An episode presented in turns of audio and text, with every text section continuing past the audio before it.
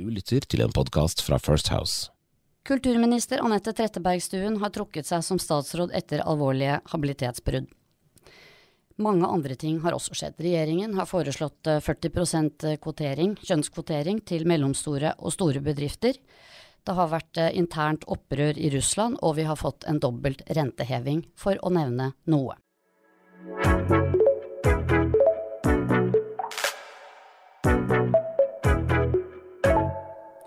Velkommen til Skjæringspunktet. Dette er podkasten som lages av First House. Mitt navn er Cecilie Ditlev Simonsen, og i studio har jeg som vanlig med meg to partnerkollegaer i First House. Det er Sigbjørn Aanes Hei. og Jon Georg Dale. Hei, hei. Det har mildt sagt kokt rundt Arbeiderpartiet den siste tiden, men vi skal først til det faste innslaget Uken snakkes. Og det kunne faktisk denne gangen vært mange temaer å ta opp, men vi har bestemt oss for å komme til renteheving. Og mitt spørsmål til deg, Jon Georg, først er er det sånn at sentralbanken nå faktisk må ordne opp og rydde opp og gjøre det regjeringen ikke greier? Ja, det er i hvert fall slik at de sier det sjøl. Vi har jo hatt bak oss nå et år der regjeringa har sagt at de måtte holde igjen i finanspolitikken for å ikke legge ytterligere press på renta, fordi de mente det var noe av det mest usolidariske en kunne gjøre. Fordi det slår så skjevt ut uh, i inntekt, bl.a. for folk som har ulike inntekter og gjeldsgrad. Men så sier jo nå sentralbanken, når de punkt én knepper til og tar en halv prosent opp på styringsrenta, og i tillegg hever rentebanen, at en av forklaringene på det er at finanspolitikken har blitt mer ekspansiv. Og Det har vi jo nå sett gjennom det reviderte nasjonalbudsjettet, der regjeringa skifta strategi og gikk fra å holde igjen til å kompensere for alle kostnader. Og I tillegg til det så brukte de ytterligere litt mer penger når de forhandla en sluttavtale med SV i Stortinget. Og Da ser jo banken at finanspolitikken bidrar nå ikke lenger til å kjøle ned økonomien. Og da vet banken at det er deres jobb å gjøre. Så når politikerne svikter, så fikser banken opp.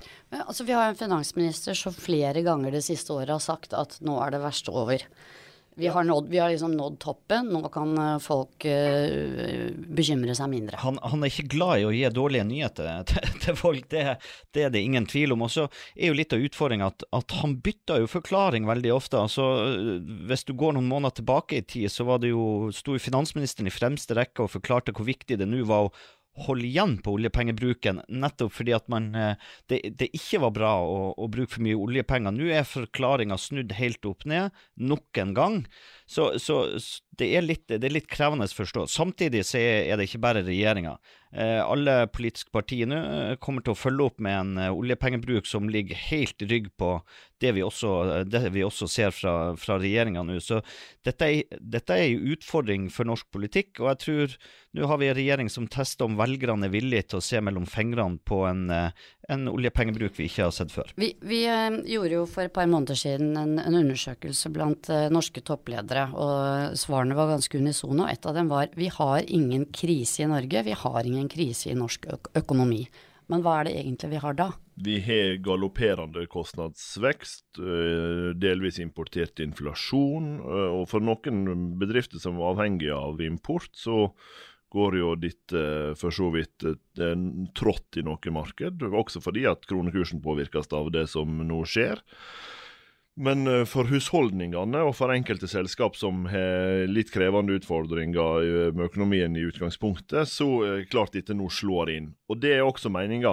Altså, presset i økonomien er for stort, og banken svarer med å heve renta. Men det er en annen ting som jeg har reflektert litt rundt de siste dagene, er om om vi egentlig klarte å lese hele bildet på dette før. For hvis vi ser reaksjonene på rentehevinga fra f.eks. LO, så jeg LO veldig tidlig ute og sier at det, dette burde banken aldri gjort. Og så sier de sågar at det at banken, banken nå setter opp renta, truer frontfagsmodellen og trepartssamarbeidet i norsk arbeidsliv. Og Det er en retorikk rundt bankens rentesetting som vi ikke var vant med å se. Og Da er jo spørsmålet for det, det kan på meg nå virke som om LO mener at finanspolitikken skal gi gass for å rette opp i ulikhet i samfunnet. På den andre sida mener jeg at, bank, at, banken ikke skal dempe den presset igjen. Og Da har jo LO tatt en annen posisjon, som jeg nå kanskje tror jeg er i ferd med å påvirke Arbeiderpartiet og Senterpartiets vurdering i finanspolitikken. Det, det er jo riktig. Og som banken likevel, basert på sitt mandat, svarer på. Gjennom både å øke renta og så heve rentebanen. Men vi så jo rundt landsmøtet til Arbeiderpartiet, så, så så det jo større tvil om det var noen sammenheng mellom oljepengebruk og renteøkninger. Eh, og, og, for å forklare det, det jeg oppfatter LO mener, så er det jo at inflasjon er importert. Det vil si at eh, innstramming i norsk økonomi har ikke egentlig noe å si på, på, på, på, på inflasjon, fordi at den importeres fra utlandet, så hva vi gjør i Norge har ikke så mye å si. Men, men det er ganske det, det, det, er litt skummelt når vi ser den retorikken opp mot den uavhengige banken. Dette er i alle fall bakteppet når vi snart går inn i en valgkamp. Riktignok handler den om kommune- og fylkestingsvalg, men likevel, hvordan tror du denne situasjonen vil prege Jonas Gahr Støre og regjeringens både politikk og retorikk fremover? Jeg opplever at det blir økt spenningsnivå rundt finanspolitikken. Eh, jeg opplever at banken følger sitt mandat og kompenserer for finanspolitikken. Det vil det alltid være eh, stor usikkerhet rundt. Og så syns jeg at LO nå begynner å innta en annen posisjon enn vi tradisjonelt har eh, sett dem. Og det vil over tid påvirke Arbeiderpartiet. Hvordan, hvordan da? Nei, fordi at LOs innflytelse er så tung. Og hvis du ser den kursendringa som regjeringa har hatt det siste året, fra å si nei, vi må holde igjen, hvis ikke får vi press på renta, og det er det mest usosiale som kan skje, til å nå si vi bruker 58 milliarder mer i RNB. Og en, revidert nasjonalbudsjett? I revidert nasjonalbudsjett, og ytterligere halvannen milliard når de forhandler med SV. Så ser du liksom, når det kan skje i løpet av et år, hvordan tror vi det da kan påvirkes hvis LO synger for full hals inn i sentralstyret i Arbeiderpartiet, som de har eh, godt med representasjon? Det, det, er klart at det ikke kommer til å påvirke norsk politikk framover. Dette og kommer vi til å følge med på, og kommer helt sikkert tilbake til i fremtidige podkaster. Dagens hovedtema pekte seg ut eh, ganske klart. Vi skal til eh, regjeringens eh, situasjon preget av kulturministeren, som altså har trukket seg, Anette Trettebergstuen, pga. alvorlige habilitetsbrudd. Mange mener at dette også øker presset mot Tonje Brenna, et annet regjeringsmedlem som eh, selv har vært åpen om habilitetshåndtering, som ikke har vært god nok. Men statsministeren mener at det er stor forskjell mellom disse to sakene, og støtter fremdeles eh, Brenna, som sitter. Eh, jeg tror kanskje vi begynner med hvorfor er dette spørsmålet om habilitet knyttet til utnevnelser så viktig, Sigbjørn? Eh, det, det, har jo med tillit og troverdighet rundt utnevnelsen av den type posisjoner fra, fra staten og det offentlige. Eh, hvis man utnevner venner og bekjente og lar det bli en slags betaling for en lang og tro, tro tjeneste på den måten, så, så, vil det utfordre tilliten til hele systemet vårt. Og det, det går ikke an. Derfor er alle enige om at vi er nødt til å ha et regelverk. Alle er enige om at vi kan ikke drive og utnevne veldig gode venner på den måten. Men eh, eh, Jonas Gahr Støre hadde jo presse, eller møtte pressen på fredag. Eh, og brukte mye tid på å fortelle om hvordan statsministerens kontor og embetsverket og alle hjelper nyutnevnte statsråder eh, å lære seg regelverket, håndtering av dette. Hvordan i all verden er det da mulig for Anette Trettebergstuen å begå så mange, hun sier det er jo flere, mange og alvorlige feil? Nei, For det første så skyldes det at det er systematiske forsøk på å omgå regelverket. Fra hennes side. Alle, ja, ja. alle politikere ja, som uh, sitter i sånne posisjoner, vet hva som gjelder. Dette lærer vi når vi begynner på, i kommunestyret i heimkommunene våre, når vi er bitte små. Og liksom, Habilitetsreglene er helt greie. Uh, det, det, er, der, er, en sånn generell passus som du alltid må teste det på. Den jeg tror jeg kan fortsatt hete som sånn Også er han inhabil hvis det foreligger andre særegne forhold som er egnet til å svekke hans partiskhet i saken. Lovtekst. Sitt i hodet, gjort i 20 år. Vi veit at sånn er det. sånn at Du må systematisk prøve å unngå det. Men hvordan kan dette skje? Jeg veit ikke, men når jeg hørte Jonas Gahr Støre på pressekonferansen på fredag, så høres det ut som han har lagt seg til svakere rutiner på dette enn vi hadde den perioden jeg satt i regjering. Da måtte den type utnevnelser innom regjeringslunsj og Det gjorde at hver enkelt statsråd ikke fikk utnevne uten at regjeringa var konsultert. Det gjør jo to ting. Det ene er at hvis det kjente ting som du ville hatt i dette tilfellet, f.eks. med Bård Nylund og Anette Trettebergstuen Hvis hun hadde sagt på forhånd at du var inhabil, så ville Jonas Gahr Støre visst det når hun tok opp navnet hans i en lunsj. Og saken ville vært håndtert av den grunn. Risikohåndtering. Det høres ikke ut som han har gjort. Sig som så på rutinene svikter det. Sigbjørn, du har vært statssekretær ved statsministerens kontor ja. uh, under uh, Erna Solberg i, i, flere år. Mener du at disse rutinene, altså, kan de ha blitt svekket under en, en ny statsministers ledelse? Det, det kan godt hende, og det er det begrunnelse, for det er jo vanskelig å vite, men, men som Jon Georg sier, at du tradisjonelt, og det tror jeg har vært ulike regjeringer tidligere, har alltid lest opp navnene i en regjer, regjeringslunsj. Altså det er en uformell lunsj, så det fattes ikke formelle beslutninger her, men, men du leser opp navnene. Men, men det, så her må du jo svikte på mange plan, men jeg skjønner ikke hvordan dette er mulig uansett. Altså, du trenger ikke å kunne lovteksten uten at Du kjenner jo i ryggmargen at dette ikke er ok. For det, så, dette er relasjoner som, det, det, det er som, kjent, som, er og de er så tett at det, sant, du, du, du, skal flu smak i munnen bare av å tenke tanken. Så, så jeg, jeg fatter ikke eh, hvordan dette er mulig. Jeg syns forklaringa om å ikke ha forstått regelverket er veldig svak. Fordi at uansett om hvordan hun hadde forstått regelverket, så skulle dette ha vært opplevd som helt feil. Og hvis hun var usikker, så har hun jo faktisk jo en rådgivere og et Hun har jo til og med fått råd fra departementet. Men det er jo ikke bare det. Det er derfor det, dette er systematisk omgåelse. Altså, hun Dette er bevisst fra Ja, ja, hennes side. ja, åpenbart. Hun er For å få hun blitt- venner hun er inn i ulike posisjoner. Hun er blitt posisjoner. advart mot å gjøre det av embetsverket sitt en gang, så gjør hun det en gang til. Altså, Hvis du ikke skjønner de beskjedene, enkelt sagt, da kan ikke du ha sånne jobber. Altså, så, eh, det som den saken har vist, og som gjør det helt rett at Trettebergstuen faktisk trakk seg, det er at hvis du ikke skjønner dette, så er ikke du i stand til å forvalte den type Og det sa jo Støre også. Ja. Altså, Støre, Jeg fulgte Støres presstreff. Det var sjelden brutalt fra Støre mot, eh, mot en av sine egne. Han sa det jo rett ut at når du skjønner du ikke dette, så er du ikke i stand til å ivareta den type Og, og, og da, da, er det- er et annet ting, spørsmål som kom på den pressekonferansen. Kan Nettberg Trettebergstuen komme igjen? Der vil, der vil mitt svar aldri. Det vil aldri skje at du kan hente inn igjen folk med så svak forståelse for hva det innebærer å Så besitte hun et er politisk ferdig. Ja. I, hvert fall som, i, hvert fall som statsråd. I viktige posisjoner i regjering, en gang for alle. Så har vi, For vi må nesten innom forskjellen mellom, kall det hennes sak, situasjon, håndtering, og kunnskapsminister Tonje Brenna. Eh, som eh, mange peker på som mulig arvtaker etter Jonas Gahr Støre i Arbeiderpartiet. Hva er forskjellen? Hvorfor kan hun bli sittende? Nei, er, altså Tonje Brenna sin sak er, er, er ikke bra, men, men det, den er allikevel eh, annerledes. For det første så har, har du ikke den systematikken som Anette Trettebergstuen har hatt, som har gjort dette flere ganger og trossa advarsler.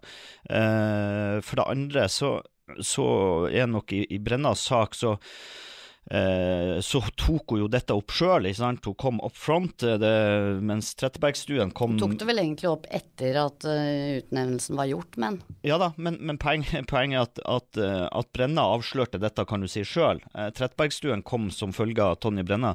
For det tredje så tror jeg, jeg tror også uh, det er lett å oppfatte den relasjonen litt annerledes. Dette er en skal vi kalle det voksen mann som var advokat uh, etter 22. juli. Jo da, du har hatt en tett relasjon, men den oppleves nok sikkert annerledes, for det er ikke den type venninnerelasjon som er i Trettebergstuens, uh, Trettebergstuens tilfelle. Så det er mange små nyanser her som gjør at jeg, jeg mener det er uh, forskjell. Men hvis det kommer flere ting og flere saker, så begynner hun å få et problem. Kontroll- og konstitusjonskomiteen på Stortinget har jo varslet at de vil eh, gå inn i Tonje Brenna-saken. Og så tyder vel mye på statsministerens kontor og embetsverket i ulike departement kommer til å gå grundig gjennom alle utnevnelser som har vært foretatt eh, av sittende regjering. Eller hva, Jon Georg? Jo, det vil de helt sikkert. I hvert fall så vil de gå grundig inn i Tonje Brenna sin sak. Jeg mener likevel at hun antagelig er trygg. Hvis ikke det er noe vi ikke vet om i den saken nå, så er det sånn at habilitetsvurderinga, nettopp fordi at det fordrer om der liksom kjennskap til folks personlige re, eh, relasjoner, så gjør det at de som du utnevner, må være i stand til å gjøre den vurderinga sjøl. Det er ingen andre som vurderer om jeg er inhabil, hvis ikke jeg er det juridisk forstand, men på sånn andre særegne forhold, enn jeg sjøl. Derfor må jeg være veldig bevisst det. Og så kan det av og til være sånn at den situasjonen endrer seg også.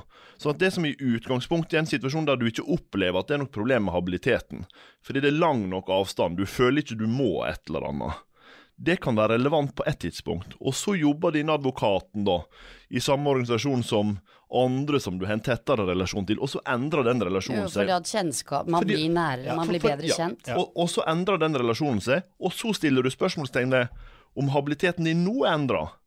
Og Det mener jeg er en helt legitim måte å håndtere habilitetsspørsmål på. Og Det skiller seg fundamentalt fra det som Trettebergstuen har gjort. Hun har visst at hun var nær venn, hun har sagt hun har vært inhabil, og så prøvde hun å få andre til å foreslå de hun har vært inhabil overfor, i stedet for seg sjøl. Men de har vært i kommandolinjene våre, som kan pålegge dem å mene det som hun burde ha ment. Altså, Det er helt hinsides stor forskjell. Ja, for hun har jo bedt statssekretæren sin håndtere Ja. situasjonen.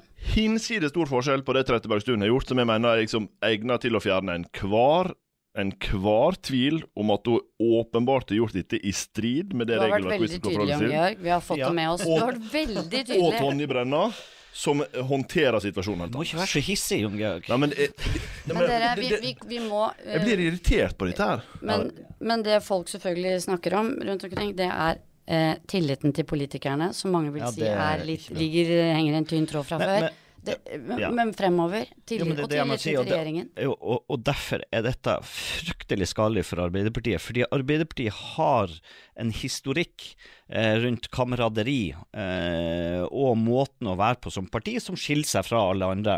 Eh, du tar avgjørelser på bakrommet. sånn Makta rår. ja, og, og, og det ser du jo også fra kommentariatet, ganske entydig at, at man får slakt, og dette minner folk på den, kan du si, mye av det som eh, nedsida med Arbeiderpartiet. Og dermed så er dette ganske alvorlig for Støre Arbeiderpartiet. Eh, så, jeg- så jeg tror at, at dette, denne lukta kommer til å sitte i ei stund, og det kommer til å stille enorme krav til hva de kan gjøre framover. Mange lurer på hvem som eh, blir etterfølger, og Haja Tajiks eh, navn er nevnt. Er det tenkelig at hun kan bli statsråd nå? Eh, For meg virker det som usannsynlig at de gjør store endringer i regjeringa nå. Og det tilsier at det ikke blir Hadia denne gangen. Jeg tror Hadia er i ferd med å komme tilbake i en posisjon der hun kan slippe inn. Men hun vil nok ikke tilbake igjen til et departement hun hadde for ti år siden. Eh, Og ett år var det Arbeids- og sosialdepartementet, eller Arbe- Arbeids- og inkluderingsdepartementet som det heter nå. Eh, Så vil jeg tippe at hun vil sikte høyere hvis hun først skal entre manesjen igjen. Og derfor er mitt stalltips nå kanskje Ja, hva skal vi si? Lubna kanskje, Sigbjørn? Ja, og, men det, Lubna, eh, fra, som kommer fra Hordaland, Bergen, kan kulturfeltet, men dette er interessant å følge, for det er noe mer enn bare er Hadia aktuell eller ikke. Og det er klart, i helga så vi anonyme kilder fra LO si at Hadia er ikke aktuell fra deres side. Eh, og, og eh, Så, så det, det spiller rundt liksom, den maktkampen den bare forsvinner ikke. Eh, så det blir jo interessant å se om de får gjennomslag. Jeg tror også eh, du kan få en Gunn Kari Juel. Eh, hun, hun kan også Da må du fortelle før. hvem hun er. Tidligere stortingsrepresentant, uh, jobba også i fagbevegelsen. Hadde kulturfeltet også tidligere på Stortinget. Stødig dame. Så, så, så hun kan også være en kandidat. Men vi kan uh, ta for gitt at det vil bli gjort grundige undersøkelser om nære relasjoner, uansett hvem som blir på utnevnt. Ja, og så bør jo også Jonas Gahr Støre stramme opp rutinene sine, så han slipper slike saker. Da skal vi til uh, lytternes favorittbolk, og det er ukens hodepine. Og vi veksler litt på hvem som har mest vondt i hodet, men uh, det er jo oftest deg, Sigbjørn. Ja, det. og, ja, det er det. Og eh, blant annet så mm, får du hodepine av folk som kritiserer politikernes lange sommerferier. Ja, og, og Gunnar Stavrum og Nettavisen har en sånn årlig øvelse hvor de beskylder stortingspolitikere fra ferie i over 100 dager, og det er jo, ba, det, det er jo bare tøv, oppspinn, løgn. Fordi at de har ikke ferie over 100 dager. De reiser rundt, mange av de skal på Arendalsuka i august, de har komitéreiser. Eh, noen av de har møter kontroll- og konstitusjonskomiteen har til og med møte denne uka. Så, så, så det er jo bare tull, dette. Finnes sikkert en og annen latsabb også i, eh, iblant blant disse. norske politikere. Ja da, men de fleste av disse har ikke 100, over 100 dager ferie. Nei, og da har vi fått frem det. Men det er en annen ting som også har gitt deg vondt i hodet. Og ikke, ikke fordi du drakk for mye av den, du drakk faktisk nesten ingenting av den. Du har smakt naturvin. Ja, det, altså, og det er mulig jeg har gått på en smell og vært uheldig, men dette var helt ja. Jeg fikk altså ei flaske rosévin, vi var tre stykker og skulle dele. Og det lukta ikke fjøs, fjøs lukta godt sammenlignet med dette. Det lukta møkkakjeller. Jeg klarte ikke å drikke det. Tidligere landbruksminister det- Jon Georg Dale vil gjerne Men det- si det- noe. altså- altså, det- Men hva er, glad, det hva er galt med det liksom en ordentlig hvit det- burgund eller ja, bordeaux akkurat- eller riesling eller noe akkurat. sånt? Hør denne mannen. Altså, jeg er en 40, snart 40 år gammel, umoderne mann fra distriktet, og jeg, jeg syns det er morsomt når det endelig skjer noe nytt på vinfronten etter 200 år med hvite burgundere, men da, vet du, da kommer den konservative Sigbjørn og får hodepine, for han klarer bare å sitte og vippe på sitt runde glass med hvit burgunder. Altså, det, det blir for. Nei, men, men da er det jo bedre å Du da er så ja, jålete da, at det er skandaløst. da drikker jeg heller solosuppe. Ja, fra hodepine til eh, politisk kalender. Eh, det går mot sommerferie for mange. Eh, Ikke si det etter, etter den ranten, da. også for politikere, ja, men de må jo få ha litt ferie, i hvert fall. I alle fall så skal det være ekstraordinært statsråd 28.6, eh, mest sannsynlig med utnevnelse av eh, ny statsråd, etter at Anette Trettebergstuen eh, trakk seg i forrige uke. Og så skal regjeringen ha sin eh, halvårlige skrytekonferanse. Den ble av naturlige årsaker utsatt forrige uke. For det var ikke så mye å skryte av den dagen statsråden trakk seg. Men uh, det skal i hvert fall skje 29.6, og denne uken skal også Høyre ha sin uh, pressekonferanse for å snakke om hva de har fått til av politikk uh, dette halvåret. Så tusen takk for at du hørte på. Ta gjerne kontakt. Vi er glad for både ris og ros.